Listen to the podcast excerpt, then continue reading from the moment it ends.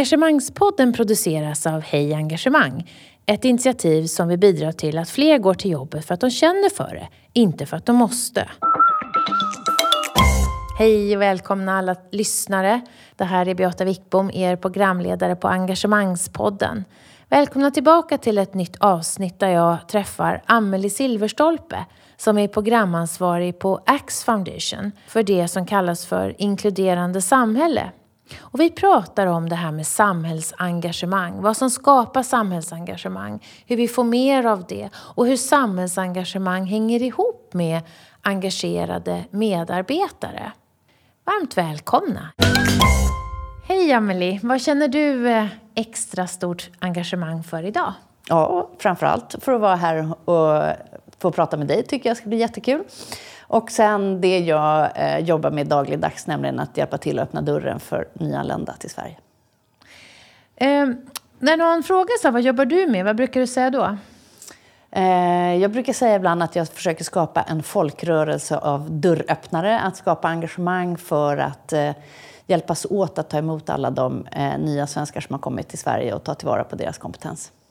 Du kom till Ax Foundation, eller Antonia Axelsson Johnsons stiftelse för hållbar utveckling, som det långa namnet är. Eh, du kom dit 2013 för att utveckla stiftelsens arbete inom social hållbarhet. Eh, vad fokuserade du på då, när du började? Då jobbade jag mycket med omvärldsbevakning för att titta vad gör andra internationella stiftelser, vad görs i Sverige redan? Eh, vilket gap skulle vi kunna fylla så att vi inte gör någonting som redan görs? Och I början kändes det som jag samlade ihop tusen pusselbitar och jag hade, kunde inte riktigt se framför mig hur jag skulle få ihop hela det här pusslet. Men till slut så ser man ju olika mönster och pusselbitarna grupperar sig på olika sätt. Så att vi gjorde verkligen en väldigt grundlig analys om vilken position ska vi ta eller behövs eh, för, i samhället i de här frågorna. Mm. För det här är ju en kommersiell aktörs stiftelse alltså för social hållbarhet och ni jobbar med olika olika frågor. Det kan vara allt från eh, miljöfrågor till social inkludering. Vad är, vad är ditt ansvar? Mm. Då ska jag först säga att vi inte är en kommersiell aktörs stiftelse utan vi är familjens stiftelse. Så att den är grundad och finansierad av Antonia och familjen. Och vi är helt oberoende av bolagen. Men för oss är det en himla stor förmån att vi har närheten till bolagen. Vilket gör att vi ibland kan hitta eh, utvecklingsprojekt i samarbete med dem och att vi kan få använda dem lite som eh, vår testbädd när vi vill göra pilotprojekt. Eh, men ställ frågan igen, för nu jo, glömde jag bort mig. Vad är det du och ditt team eh, fokuserar på? Vad är det ni ska åstadkomma? Mm. Då har vi eh, beskrivit att vi både vill åstadkomma samhällsnytta, affärsnytta och individnytta. Och på det stora hela, om vi tar tillvara på utrikesföddas eh, kompetenser så är det klart att det skapar stor nytta eh, för samhället om folk går från att vara arbetslösa till att få ett jobb. Eh, men vi vill också hjälpa. Vi vet att sju av tio jobb i Sverige förmedlas med hjälp av kontakter på ett eller annat sätt. Men att det finns massor med jobb som inte är tillsatta. Företagarna gjorde en undersökning och sa att det finns 72 000 eh, jobb som inte tillsätts för att de inte hittar rätt kompetens.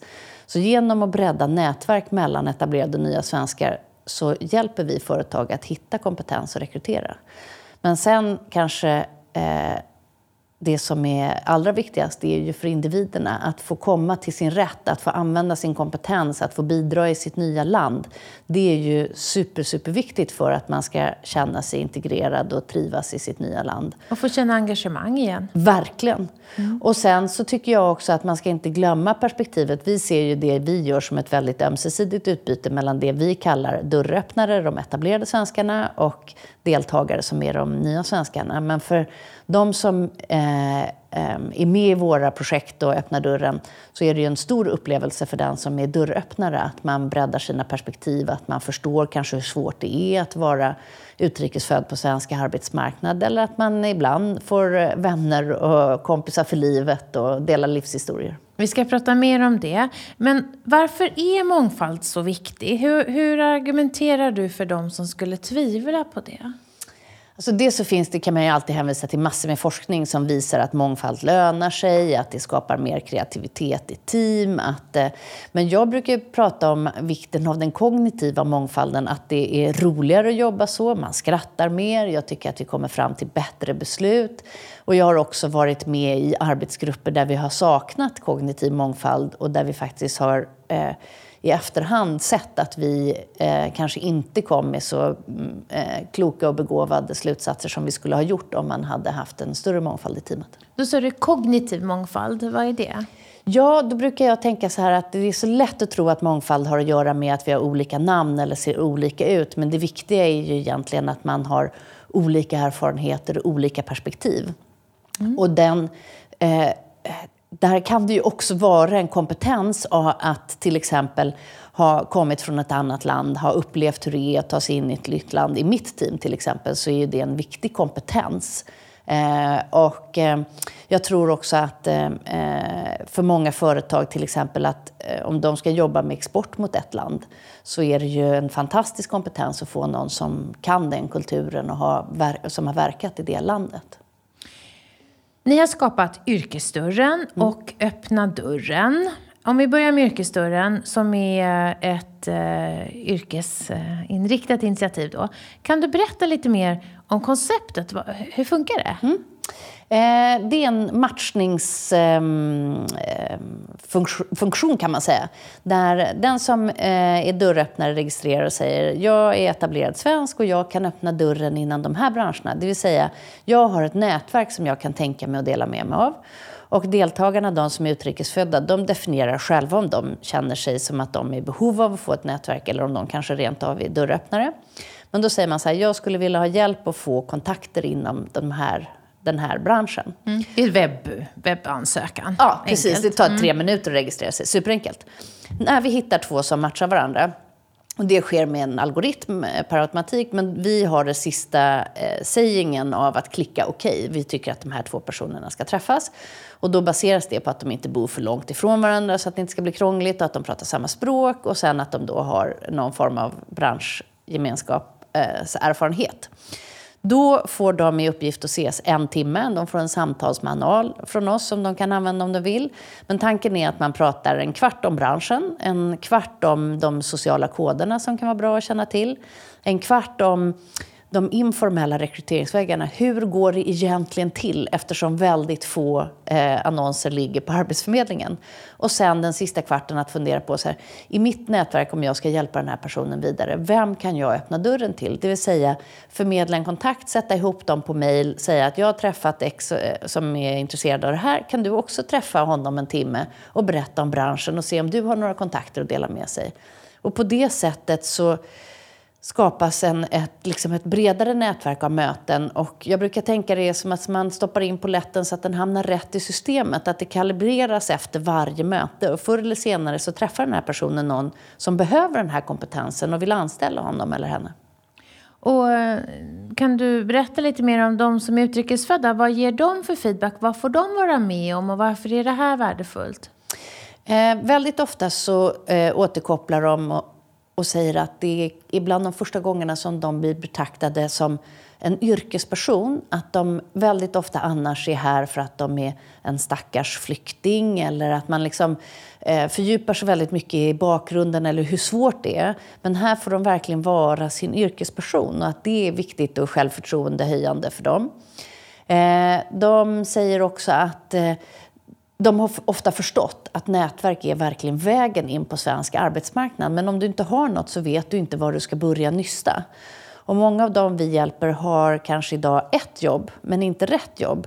Så senast häromdagen så träffade jag en kille som jobbar inom internationell marknadsföring i Bangladesh. Men han har jobbat som diskare och servitör länge därför att det var där han fick sitt första jobb. Och då får man inte längre någon hjälp av Arbetsförmedlingen. Och de som är de som är etablerade svenskar, vad säger de har varit mest värdefullt? Du var inne på att man kan få en ny inblick och, i någon annans liv och förstå saker på ett annat sätt när man får en personlig relation till utmaningen. Mm. Sen så tror jag, fast de inte säger det så ofta, så tror jag att det finns någonting i att vi alla vill vara de människor vi tror att vi är. Och jag tror att det finns väldigt många som vill vara och uttrycker sig som positiva till integration och till invandring men som kanske ändå inte agerar på det i vardagen. Jag tror att det finns ett stort värde i att genom yrkesdörren få det tar inte så himla lång tid, eh, men du känner att du kan bidra med något värdefullt i integrationsfrågan och till en enskild person. Hur många har fått jobb av era träffar? Vet du det? Vi vet att vi har ungefär 4 000 personer som har träffats och då gjorde vi en stor effektutvärdering eh, i våras som vi kommer släppa resultaten nu under hösten. Eh, men vi var väldigt stolta för yrkesdörrens räkning för 52 procent har faktiskt fått träffa en arbetsgivare genom våra möten. 16 procent har fått jobb och 8 procent har fått praktik. Så vi är jättestolta över det och ibland brukar vi säga att vi är bättre än Arbetsförmedlingen. Mm. Är ni det? Ja, det beror lite på hur man mäter. Man kan säga att Arbetsförmedlingen eh, hjälper 13 procent av dem som är arbetslösa. Eh, men å andra sidan kanske vi plockar lite lågt, mer lågt hängande frukter än vad de har. På vilket sätt har svenska bolag och organisationer fortfarande problem med mångfald? Och vad är egentligen problemet? Eh, jag tror eh, att de flesta har det. Eh, ganska många är bra på de lägsta nivåerna men egentligen så ska man ju spegla samhället på alla nivåer, både på chefsnivåer och på styrelsenivåer beroende på vad man jobbar med. Eh, jag tror att man tycker att det är svårt att prata om och man är lite rädd att göra fel. Och sen så tror jag just den här nätverksfrågan gör att man kanske eh, tänker att man är öppen men man får ändå inte ansökningar som speglar samhället. Så att man säger det var ingen som sökte och då kanske man måste anstränga sig extra mycket för att nå ut i andra målgrupper eller formulera annonsen så att inte den är exkluderande. Så att det finns nog... Eh... De flesta anstränger sig för lite och prövar för lite nya sätt att ja, rekrytera. Mm. Mm. Men jag upplever också att fler och fler ställer krav till exempel på om de använder sig av en rekryterare så kan man säga att av slutkandidaterna så ska hälften vara män, hälften kvinnor och 20 procent ha utländsk bakgrund. Öppna dörren skapades under stora flyktingströmmen hösten 2015. Hur fungerar programmet idag?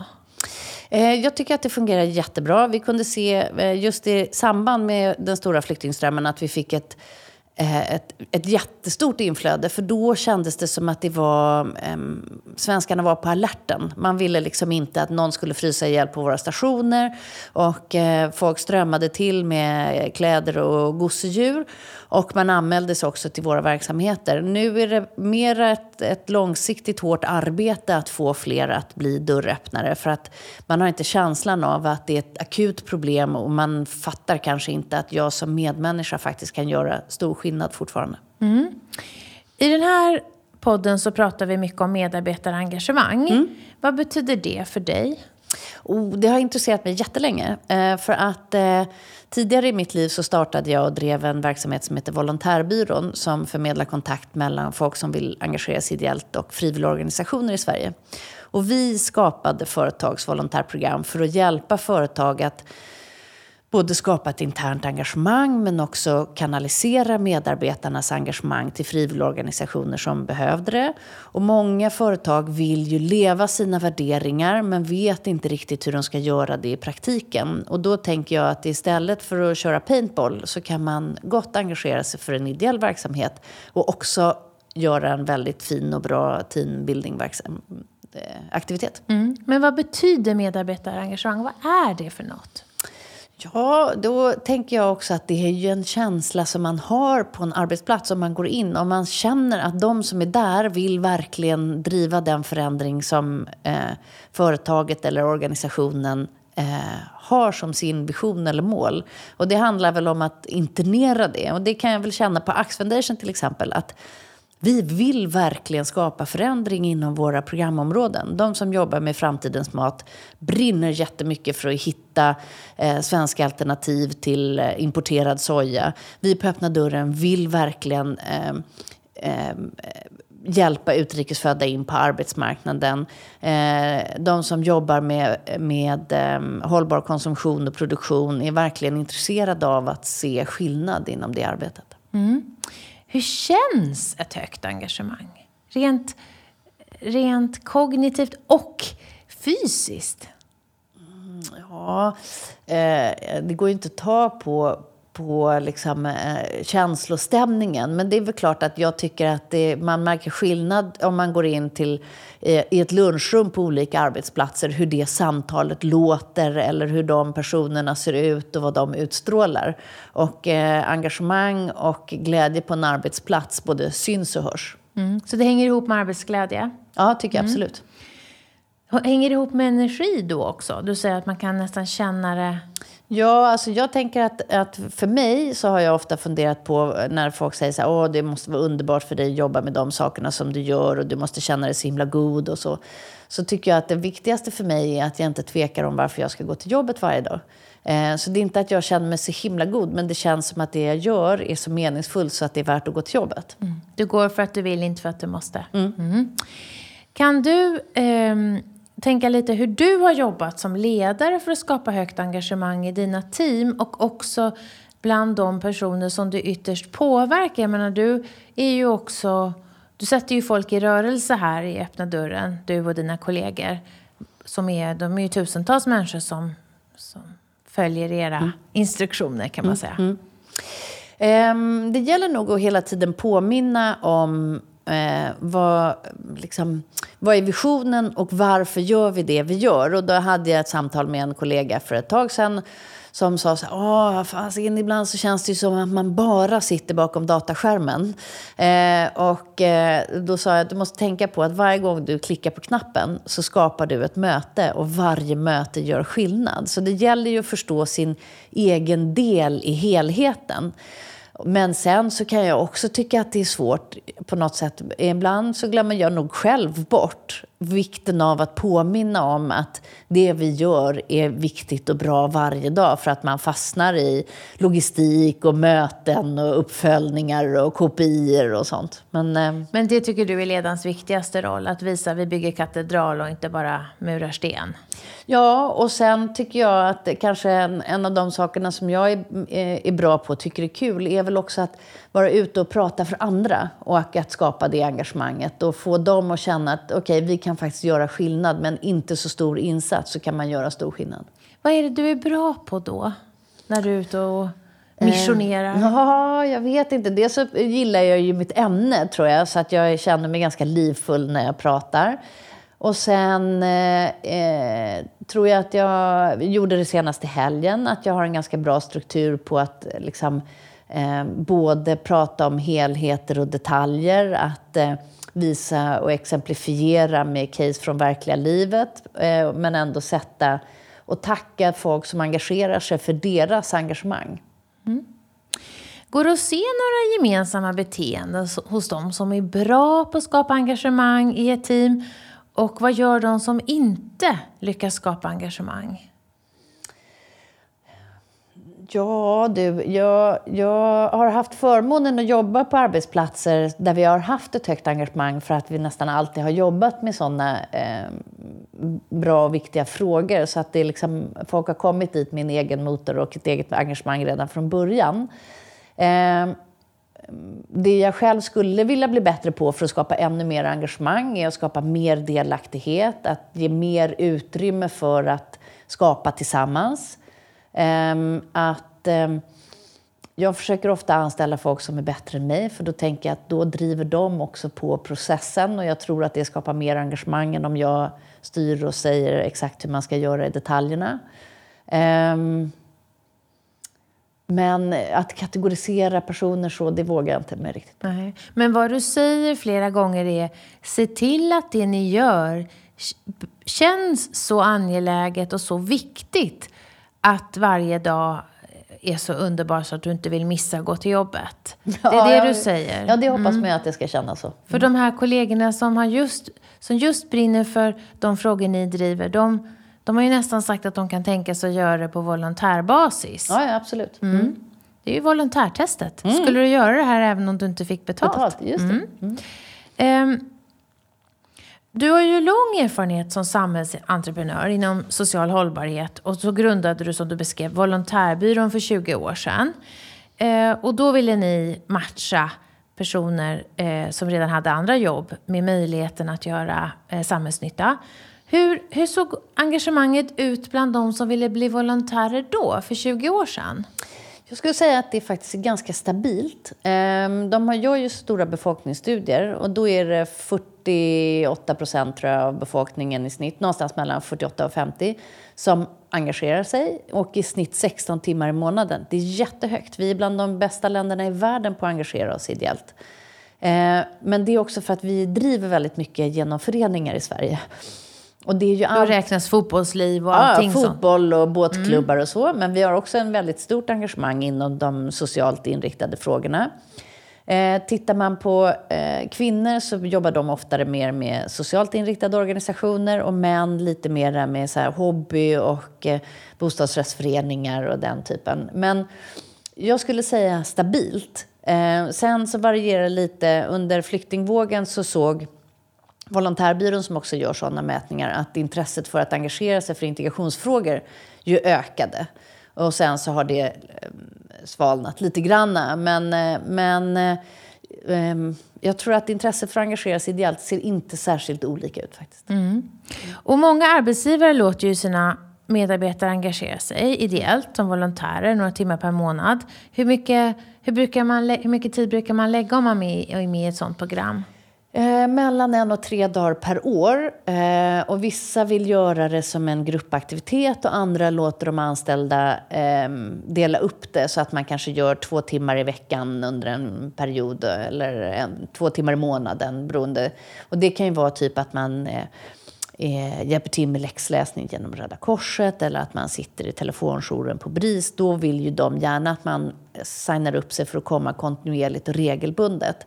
Medan de här mera teambyggande aktiviteterna brukar ofta vara så här vi hjälps åt allihopa under en dag och renoverar lokalerna på Myrornas butiker eller vad det kan vara för någonting. Mm. Och hur, hur påverkar en sån insats den enskilde medarbetaren eller enskilda individen som engagerar sig? Mm. När vi har tittat på det så Eh, om företaget erbjuder ett volontärprogram så brukar det vara så att det kanske är så 10% som signar upp men 95% som tycker att det är fantastiskt att, eh, att eh, arbetsgivaren erbjuder det här. Och det tror jag är att man är stolt över en arbetsgivare som tar ett ansvar utöver att bara skapa vinst.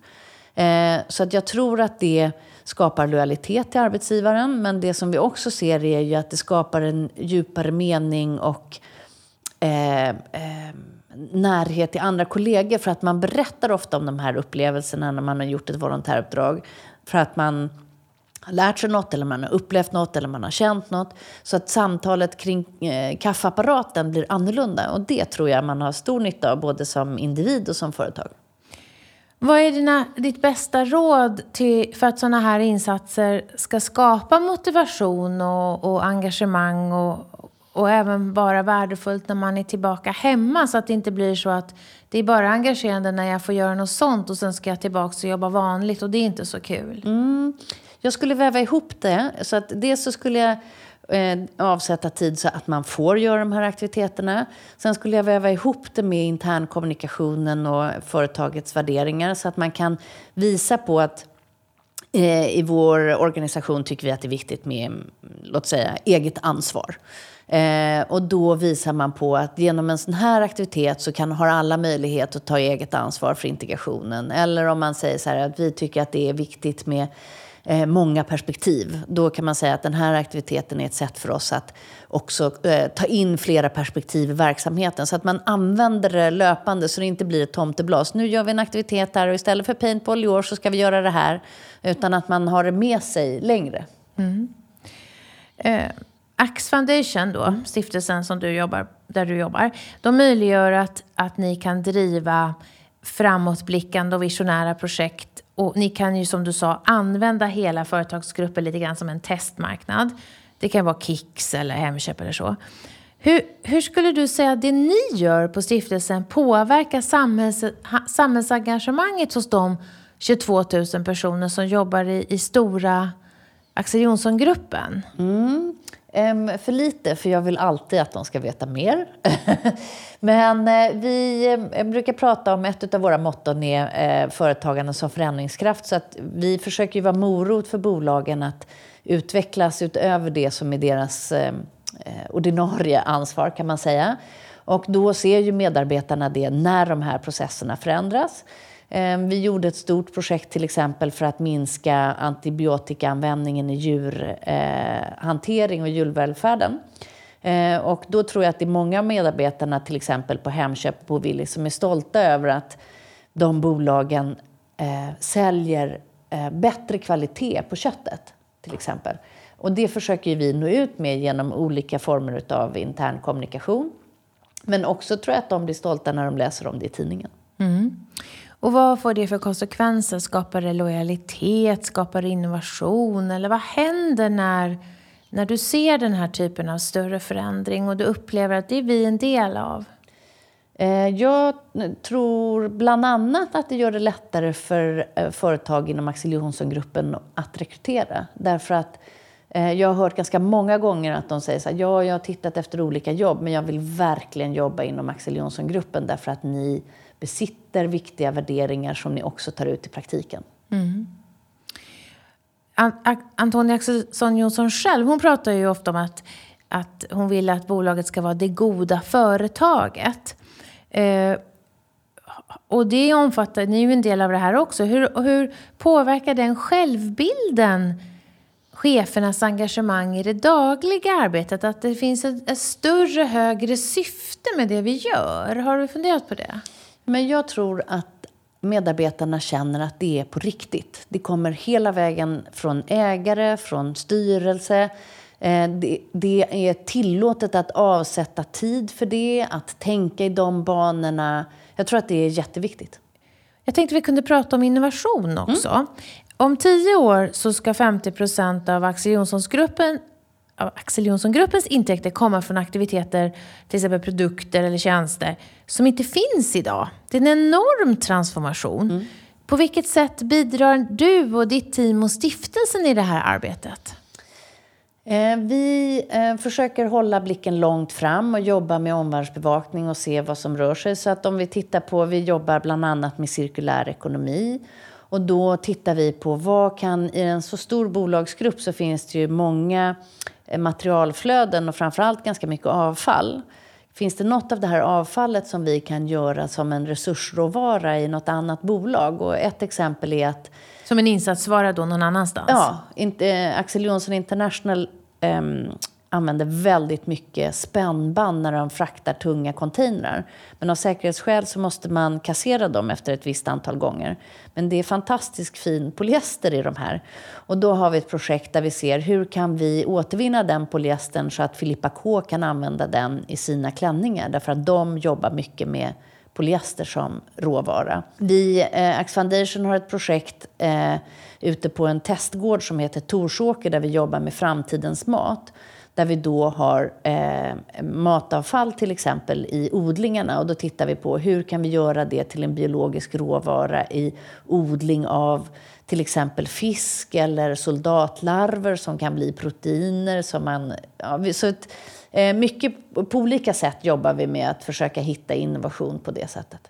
Och eh, jag tänker att om jag fick vara någonstans där min, min, min arbetsgivare och mitt, på mitt jobb att det, att det var så här väldigt framåtblickande och, och ganska lätt att kommunicera kring den då. Rätt så, inte, det är ju inte svårt att förstå när du beskriver det här.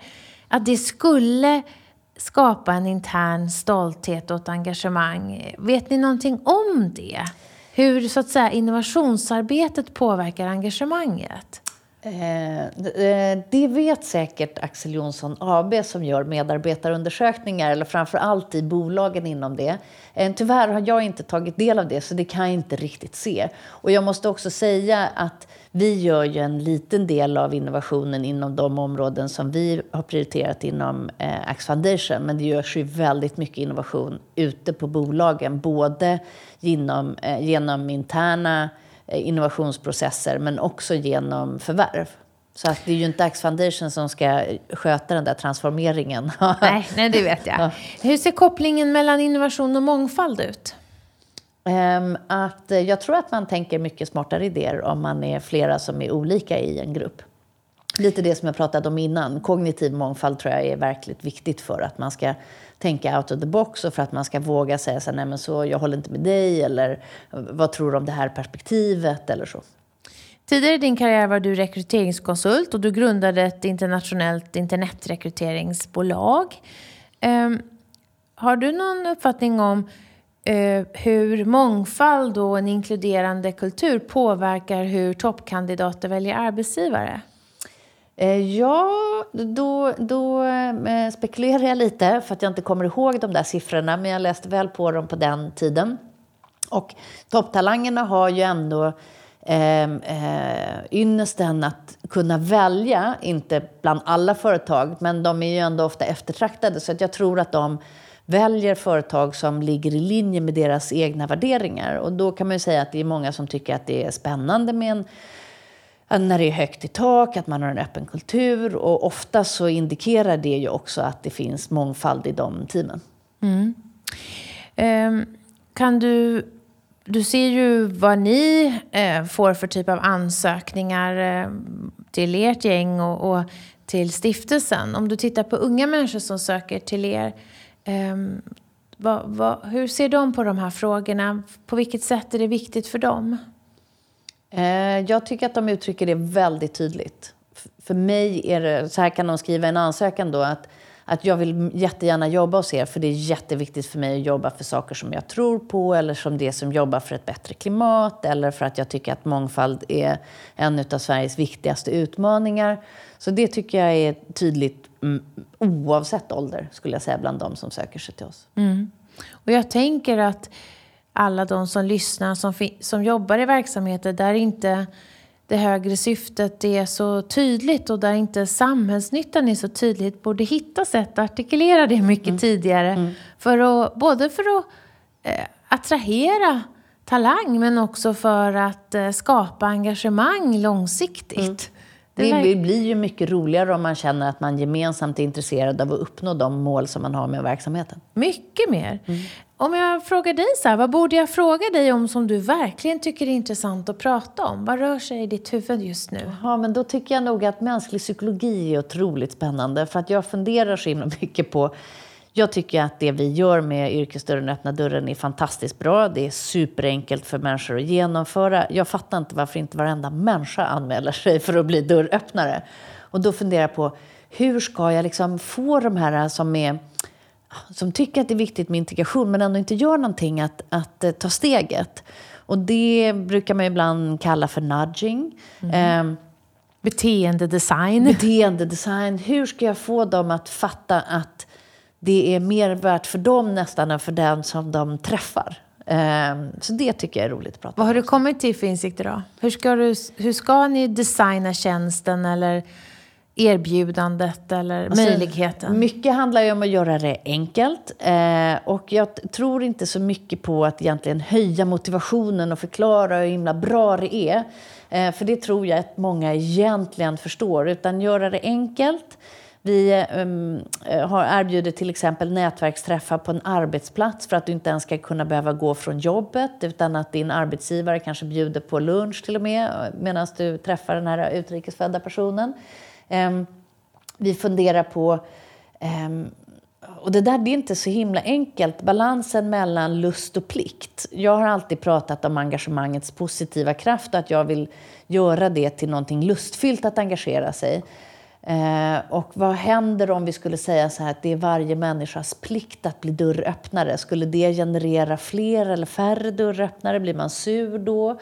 Eller om jag eh, liksom anspelar på det där som vi pratade om tidigare att, att eh, vi kan hjälpa dig att bli den människa du vill vara. Är det, kommer det uppfattas som cyniskt? Eller liksom, eh, måste man prata om det här altruistiska? Ja, jag, jag har inget svar, men jag funderar mycket. Har ni testat i några mindre... Har ni gjort en liten prototyp och testat olika budskap på olika grupper? Ja, men det gjorde vi ju inledningsvis. Eh, och då hittade vi ju det här ändå att folk liksom attraheras av att känna att de bidrar till integrationen och det är viktigt att hela tiden poängtera hur enkelt det är och att på en timme kan du göra skillnad. Och sen lämnar du stafettpinnen vidare så att de inte känner sig att det är ett ettårs commitment för att vara mentor en gång i månaden. Eh, men eh, jag skulle vilja göra en, ett omtag nu när vi har varit igång i några år och se hur skulle de här olika budskapen uppfattas. Mm. Vi, vi brukar ju prata i podden om att, eh, eller en av anledningarna till att podden finns är ju för att Sverige har lågt medarbetarengagemang. Mm. Vi vet att det inte alls många som älskar att gå till jobbet i Sverige. Har du funderat på varför det är så? Stackars dem, tänker jag. Ja, det är eh, hemskt. Ja. Det är ett problem på många, många plan. Det är därför vi gör podden, därför Hej Engagemang finns. Ja, eh, eh, jag har inte funderat på det på djupet, men om jag provtänker lite nu så skulle jag väl säga att eh, ett problem kanske är att vi är så otroligt effektiva. Så att det inte finns den där tiden för lite mellansnack, för att känna att man tycker att det är kul att möta sina kollegor, att det får spåna om saker som kanske inte är mitt direkta ansvarsområde men där jag ändå kan få glädjen av att, att bidra med min kunskap eller få lära mig någonting nytt. Mm. Det tror jag kan vara en bidragande orsak. Mm. Och om du då fick bli engagemangsminister. Det här frågar vi alltid som sista fråga. Vi tänker att det fanns ett departement som nu var inrättat för det här är en samhällskritisk fråga. Det kostar ju i ohälsa, det kostar ju tappad innovationskraft och eh, produktivitet. Vad skulle du göra om du var engagemangsminister för en dag, Amelie? ja, alltså då räcker det ju inte bara med att snacka om hur bra och roligt det är, utan då kanske man skulle föra in någonting där man kopplar samhällsnytta till löneutveckling. Så att eh, individer som skapar mer samhällsnytta ska också ha en bättre löneutveckling och att man har det i sina utvärderingssamtal. Vad har du skapat för samhällsnytta med ditt jobb? Och då skulle du den där dagen hitta olika sätt att mäta det på så att det gick att belöna? Mm. Ja. Underbart. Vi är jätteglada att du ville komma. Och eh, vill man eh, bli eh, dörröppnare, vad gör man då? Det kanske du kan få puffa för i podden ja, som avslutning. Då går man in på eh, öppnadurren.se. För där finns både Yrkesdörren, Invitationsdepartementet, Kompisbyrån och Svenska med baby. Så då får du en hel palett av roliga sätt att engagera dig på. Tack. Eh, och tack alla ni som lyssnar. Tack ni som delar med er av eh, erfarenheter och som ger oss feedback eh, både i våra egna kanaler och på LinkedIn. Fortsätt lyssna. Snart kommer ett nytt avsnitt. Hej då! Vi hoppas att vi har väckt tankar om hur du kan bidra till ett mer engagerat Sverige. På hejengagemang.se kan du hitta mer inspiration och tips kring hur du som individ, ledare organisation kan jobba för att skapa ett ökat engagemang, välbefinnande och nya resultat. Tack för att du har lyssnat!